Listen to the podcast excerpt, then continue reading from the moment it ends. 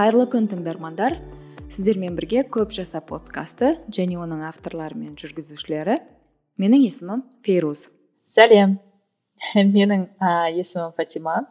Осы подкастта біз ұзақ өмір жақсы тамақтану қалай ғұмырлы болу туралы сөйлесеміз. Біздің подкастты apple подкаст google подкаст яндекс музыкадан тыңдай аласыздар. Бұл подкаст денсаулық туралы ұзақ өмірді сүру туралы және ұзақ деннің сау өмір сүру туралы болады. Атап өткендей менің есімім фатима бірінші мамандығым бойынша бакалавр дәрігермін. Акушер гинеколог қызметін аяқтадым екінші магистратура бойынша бостон университетінде медицина мектебінде ғылыми зерттеуші магистрі тәжірибесін тамамдадым менің есімім фейруз біз фатима екеуміз апалы сіңліліміз. Мен үш баланың анасымын. Және бұрынғы жұмыс тәжірибемде маркетинг қызметінде осындай тағам компанияларында жұмыс жасаған болатынмын. Алғашқы мамандығым бойынша егер маркетинг маманы болсам ана атанғаннан кейін мені тағамтану жолы өте қызықтырып бостон университетінде тағамтану факультетінде қазір магистрант болып оқимын. Жалпы өзім ана болған кезде балдарымды тамақтандыру барысында кез келген ана сияқты қалай тамақтандыру керек тамақ аллергиясы деген не деген сияқты сұрақтар ойландырды. Және үнемі соған жауап іздедім. Сол ойда бұрыннан бері сол сол ана ретінде жинаған тәжірибемді және жалпы маман ретінде тәжірибемді біреулермен алмассам пікірталас болса деген ой бұрыннан бар болатын. Және ең жақын араласатын және сол тақырыпты талқылайтын адамдардың бірі фатима. Екеуміз әрқашан бір бірімізбен ақылдасып ақыл кеңес сұрасып отыратынбыз. Енді міне сол ақыл кеңесімізді осындай подкастқа айналдырып отырмыз. Жалпы алғашқы эпизодымыздың тақырыбын кофеге арнап отырмыз. Өйткені біріншіден көптеген таныстарымыздың арасында жаңа резолюция кофеден бас тартам деген резолюция туралы ә, жиі жиі еститін болдық. Және бұрыннан да ойландыратын мәселе жалпы біздің қазақ қоғамы ә, жалпы орта азия қоғамы әрқашан шәйді таңдаған шәй ішетін қоғам болатын. Соңғы бір төрт бес жылдың ішінде дәстүр түбегейлі өзгеріп ортамызда кофені сүйіп ішетін тіпті кофесіз өмір сүре алмайтын адамдардың саны көбейіп кетті. Оның қатарында өзіміз де бармыз. Және осы кофе тақырыбы бізді алаңдата бастады. Әрине батыста еуропада көп сұрақ туғызбайтын нәрсе. Себебі дәстүрге салтқа сіңіп кеткен сусын ал біздер үшін жаңа бір дәстүр жаңа бір сусын. Сондықтан біз фатима екеуміз ғылыми тұрғыдан осы сусынды зерттеп жалпы ағзамызға қалай әсер етеді? Және оны қалай ішкен дұрыс ішкен дұрыс пе кімге ішкен дұрыс деген сияқты сұрақтарға ә, жауап іздедік. Фатима сен өзің жалпы мысалға қазір ақшта тұрып жатсың өзің кофе мәдениеті қалай сенің үйіңде отбасыңда өзіңде өмірде? Кофе мәдениеті қазіргі таңда кофені жеке өз басым ішпеймін. Өте сирек ішемін бірақ кофеға аддикшн дейді ғой. Кофесіз өмір сүре алмайтын кездерім болған. Басымнан өткіздім. Америкада көзге түскен тренд қазіргі таңда көп адамдар кофедан алшақтап біздегі жасыл шай бар ғой көк шай дейміз ә, сол трендке көшуде. Менің өз жеке себебім болды кофе ішуді тоқтату үшін. Осыдан бір үш төрт жыл бұрын қатты интенсивті жұмыс жасап жүрдім. Бұнда интеллектуалды жұмыс болды физикалық жұмыс қатты шаршап жүрдім да.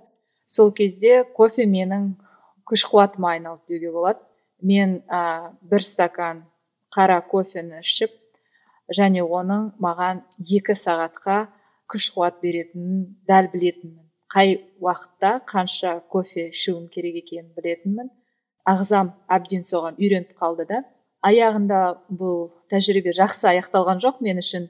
Гастрит деген ауруға шалдығып гастритке ары қарата анемия ауруына шалдықтым. Содан қандағы анемияны көтеру үшін укол алып қана сол ә, анемиямды түзей алдым. Сол маған үлкен сабақ болды. Сол уақыттан бастап мен кофені өзіме тыйым жасадым.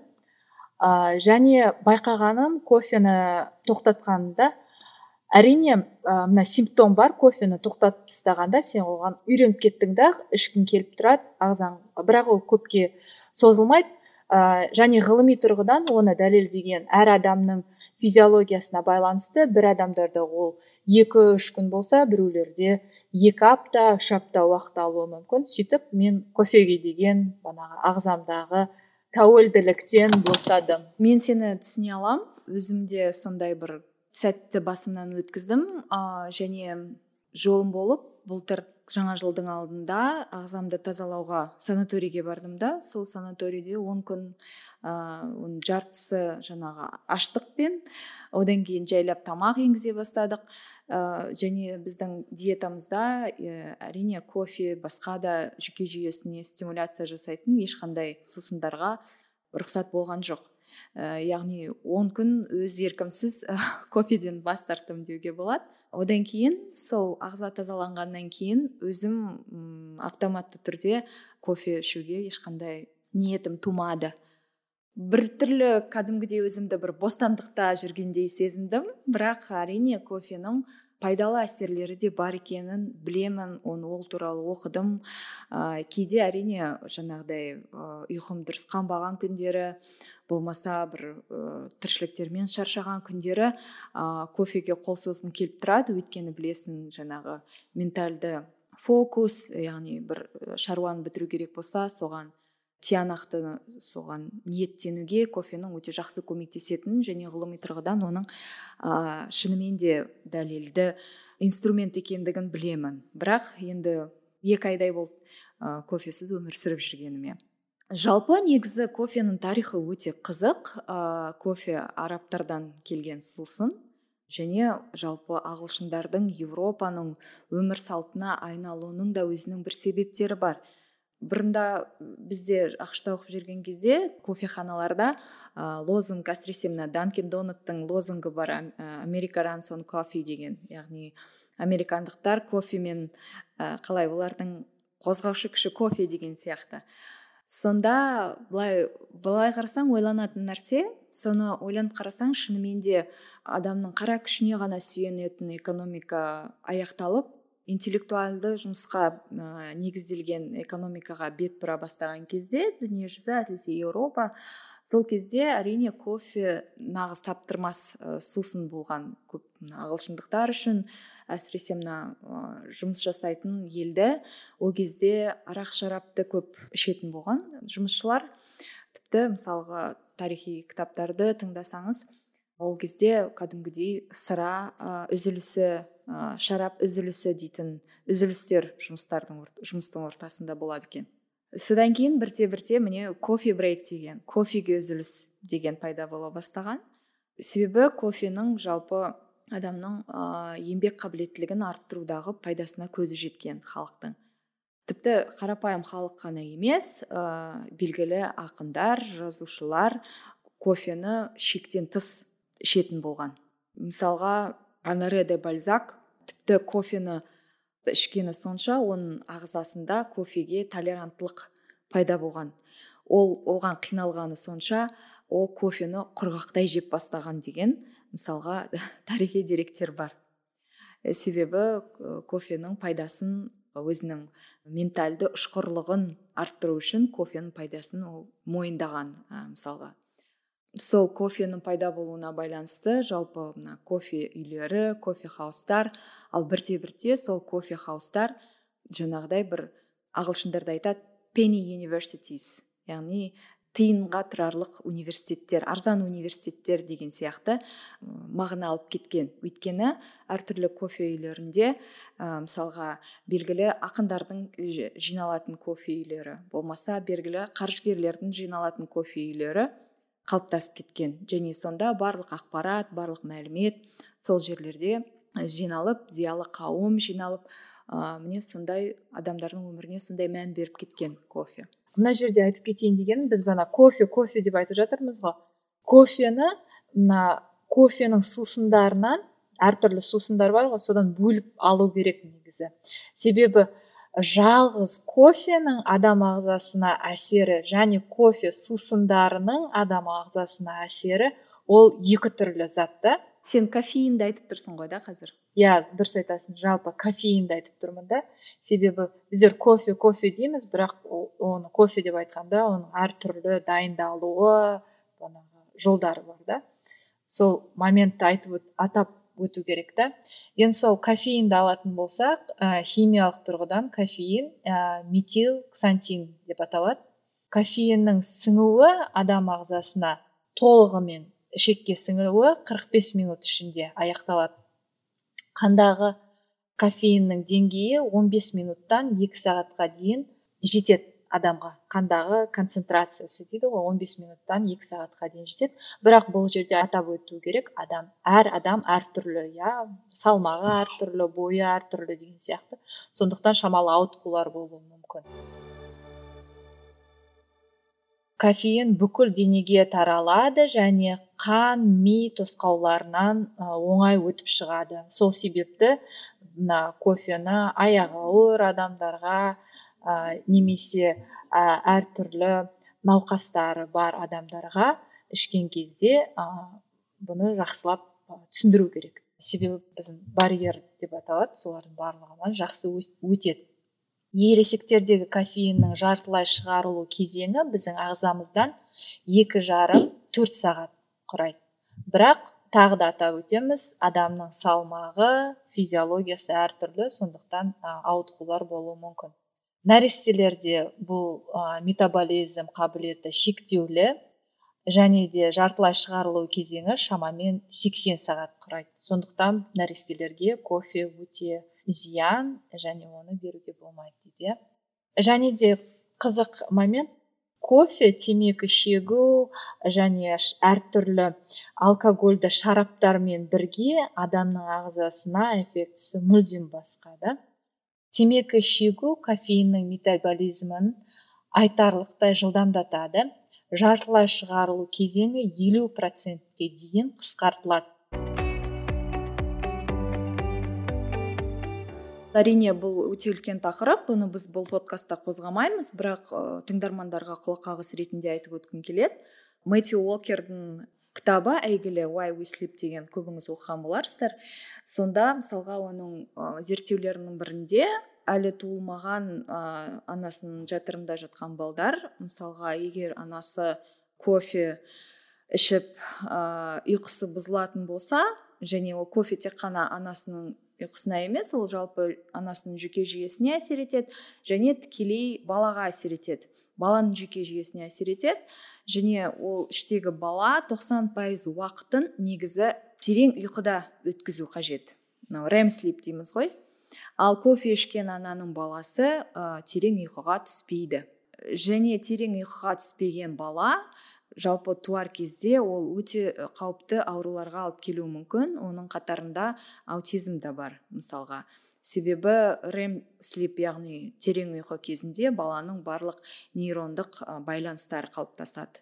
Ал нейрондық байланыстарға қалыптастыруға мүмкіндігі болмаған бала терең ұйықтамаған бала ә, туған кезде және ол бірден байқалмайды ондай ауытқулар ә, туылғаннан кейін екі жылдан кейін үш жылдан кейін ә, сондай ауытқулар байқалуы мүмкін. Өйткені бала жатырда ғана терең ұйқыда емес дүниеге келгеннен кейін де мынау бір жасқа дейін біз мысалы балдардың ұйқы режимі деп айтып жатамыз ғой. Күніне үш мезгіл ұйықтау керек төрт мезгіл ұйықтау керек деп ол ұйқының түбінде терең мағына жатыр. Бұл ұйқының көбін бала жаңағыдай рем ұйқысында терең ұйқыда өткізу қажет. Себебі ол сол жаңағы нейрондық байланыстарының қалыптастыруының жалғасуы.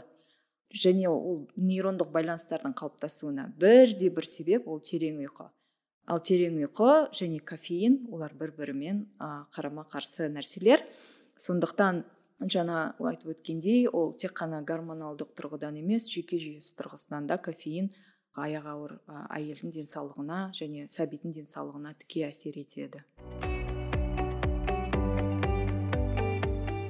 Кофеиннің фармакологиясына байланысты ә, жалпы ең басты кофеин қалай әсер етеді? Яғни ол біздің жалпы ең басты бұл бұл жерде кофеиннің денсаулыққа әкеліп отқан зияны мынада ғой. Ә, біздің ә, жүйке жүйемізде ә, аденосин деген нейромодулятор бар. Ол циркадылық ритммен тікелей байланысты. Яғни кеш жақындай берген сайын аденосиннің организмде қордалана береді де яғни ұйқы жақындады ұйықтау керек деген сигналға ә, бізді алып келеді. Ал кофе болса аденосиннің блокираторы болып есептеледі. Яғни ол кофені ә, кофеин бізге уақытша яғни организмімізде сол екі сағат тұрма сол екі сағаттың ішінде аденосинді тоқтатады. Бірақ ол тоқтатады деген ол аденосин одан да көп күшпен кофенің күші аяқталғаннан кейін бізді одан да көп күшпен ә, жаңағы энергиямызды алады күш қуатымызды алады бірақ ұйқының ритмі бұзылады.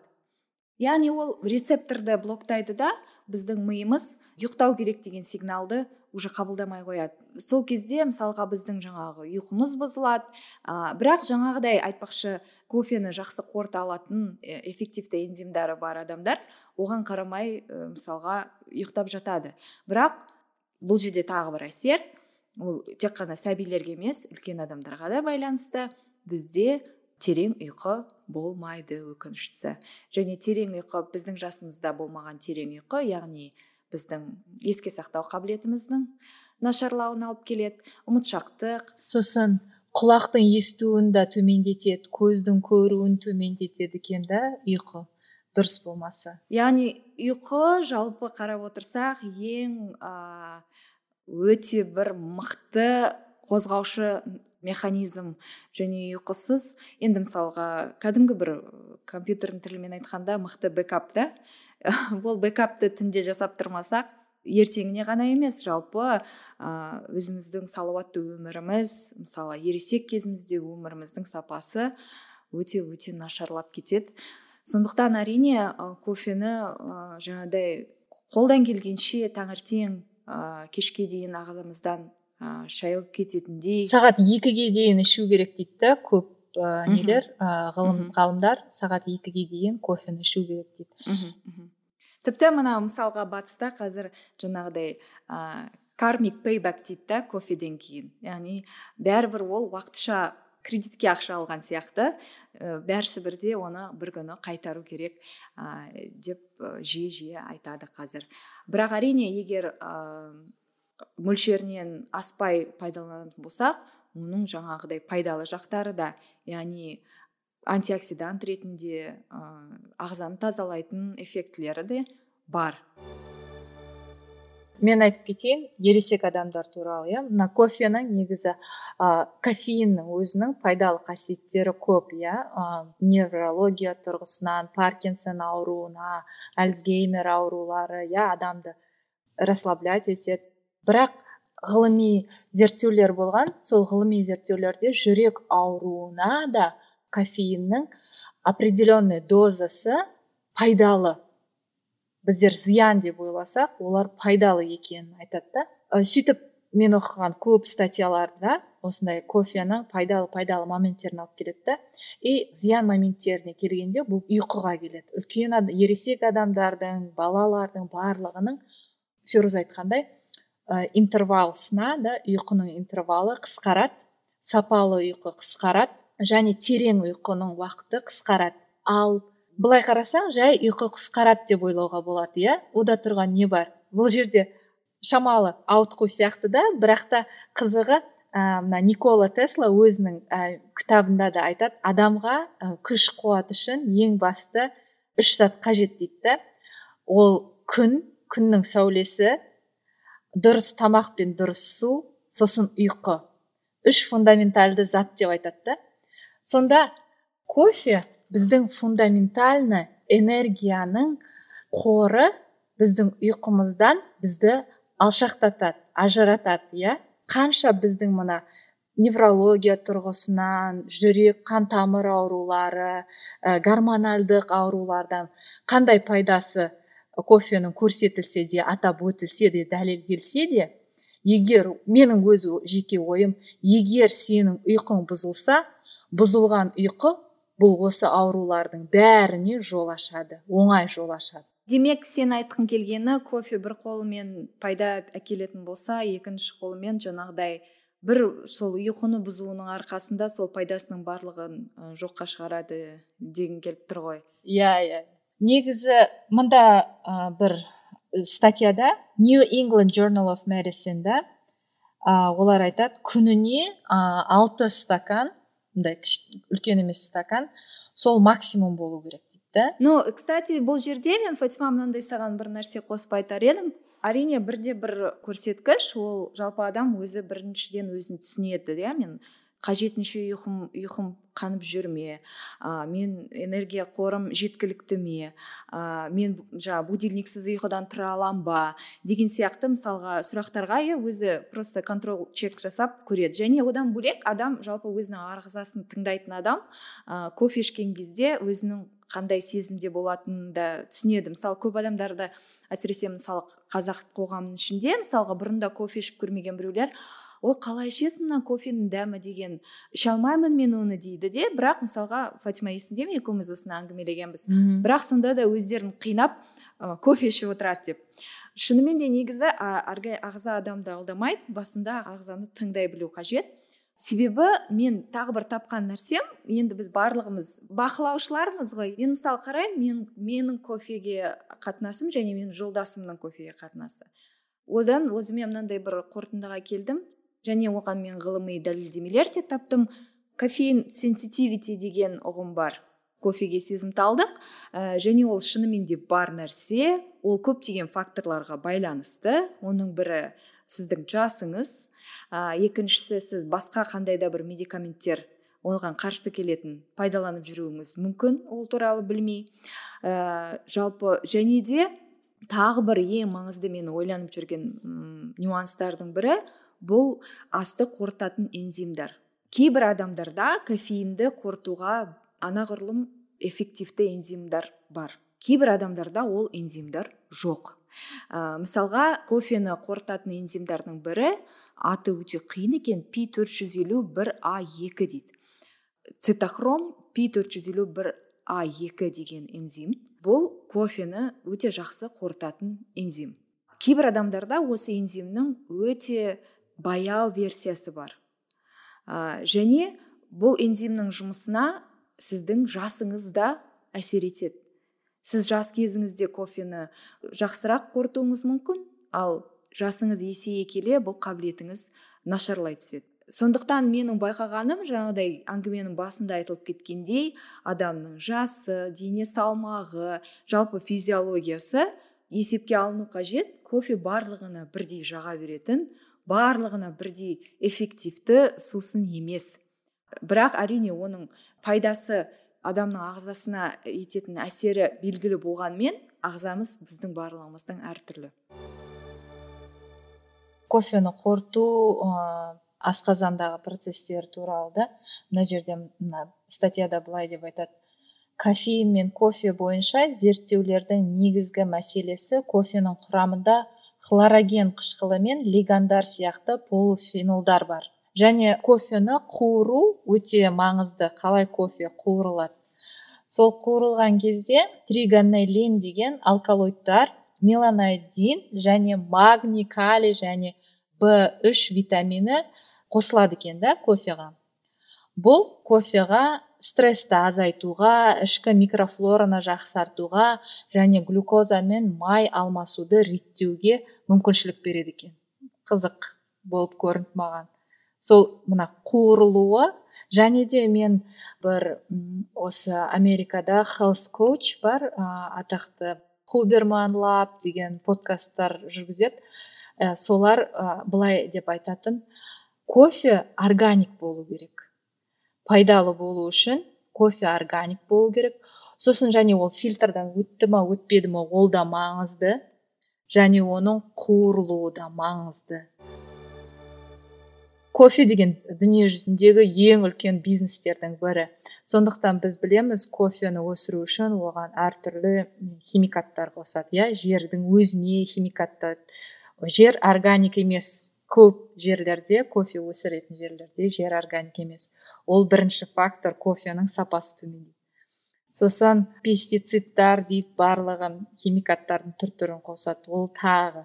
Сосын ұзақ мерзімге сақтау үшін оның барлығы кофенің сапасын төмендете береді төмендете береді да. И сапасыз кофе ішкенде біздер тек қана кофе ішіп жатқан жоқпыз. Біздер ана химикаттарды ішіп ағзамызға ілесіп келген барлық химикаттармен иә. ішіп. Әрине иә. Бұл тек қана кофеге байланысты нәрсе емес сияқты. Қазір жаңа жеп жатқан бананымыз да алмамыз да әсіресе мынандай қысты күндері. Әрине оның барлығы неше түрлі консерванттарға және мынау ә, зиянкестермен күресуге кеткен көптеген химияға ә, тұнып тұрғаны. Әрине біз оны кейде ұмытып та кетіп жатамыз. Тағы бір қызық нәрсе айта кетейін деген. Жаңағы кофе туралы мен және де осы кофені эспрессо түрінде ішкен ең пайдалы деп ә, оқыдым бір жерден. Басқа дайындау түрлерінің ішінде денсаулыққа ең пайдалы түрі сол ә, эспрессо түрінде ішкен. Таза кофеин. Иә. Солай ішкен пайдалы дегенді оқыдым. Бірақ одан бері мен кофе ішіп жүрген жоқпын. Сондықтан басымнан өткіздім деп айта алмаймын. Эспрессоны сүйіп ішетін адам емеспін. Мен эспрессоны сүйіп ішетін адаммын. Және тағы бір қызық нәрсе кофені аш қарынға ішкен көбірек эффект әкеледі екен. Кофені аш қарынға ішетіндеріңіз бар ма? Және де өттің бөлінуіне кофе аш қарынға ішкен кофе жақсы деп айтады. Мм.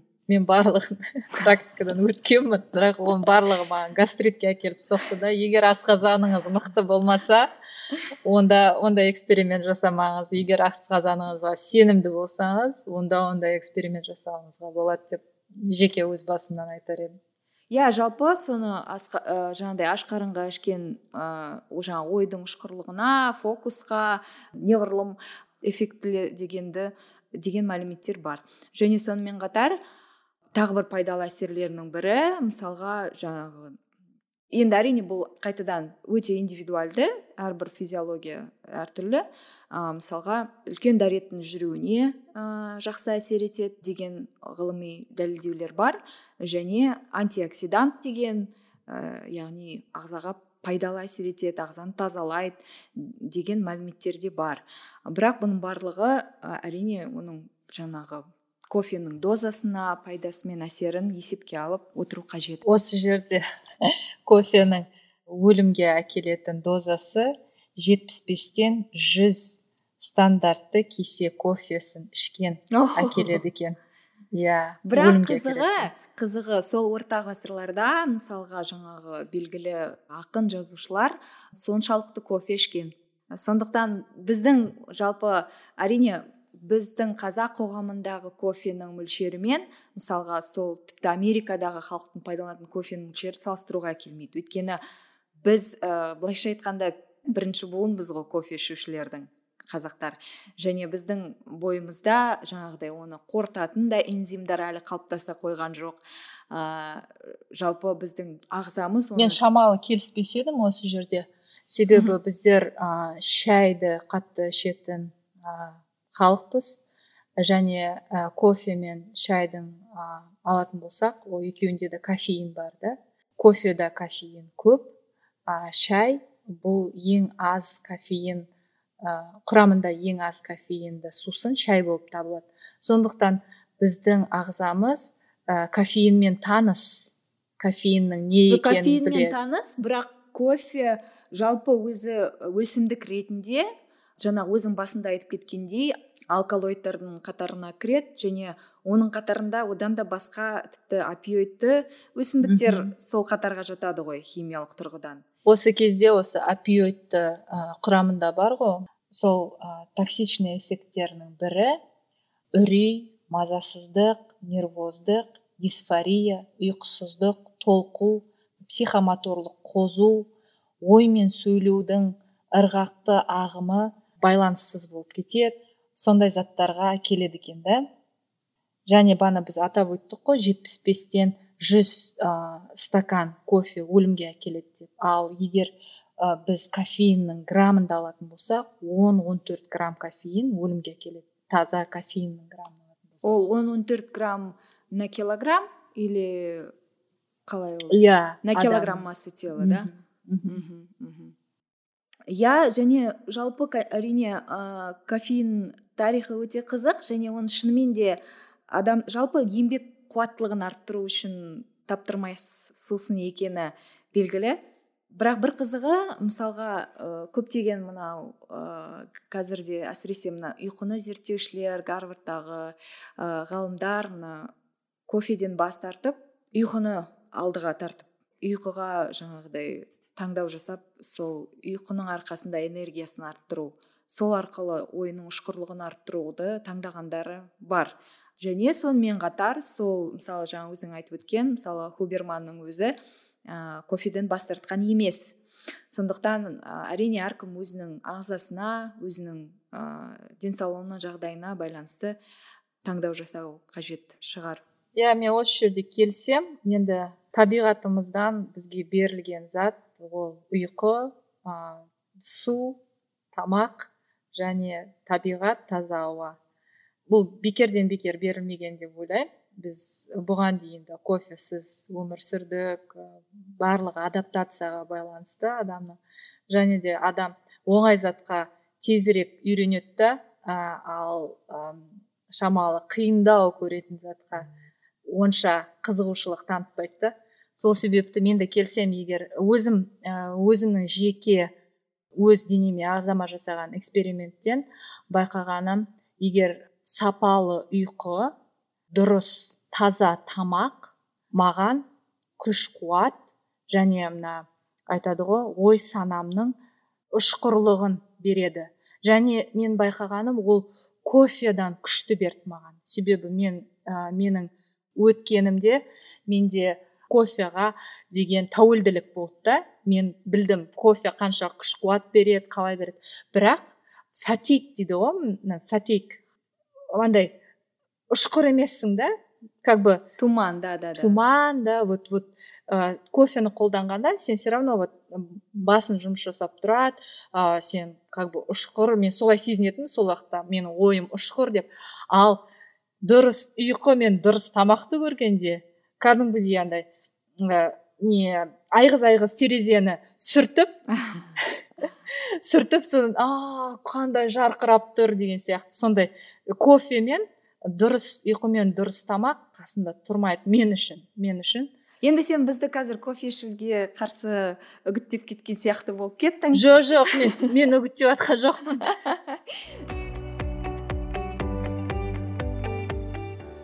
Жалпы ата аналардың назарына кофеин біз тек қана кофеде емес жасырын кофеин өте көп. Әсіресе мына біздің ә, подростктардың ішетін сусындарында газированный сусындарда ә, әрине ешкім оны үңіліп бұның құрамында не бар екен деп оқып жатқан жоқ. Бірақ оқып қалсаңыз барлығының құрамында да кофеин бар. Кофеин қант.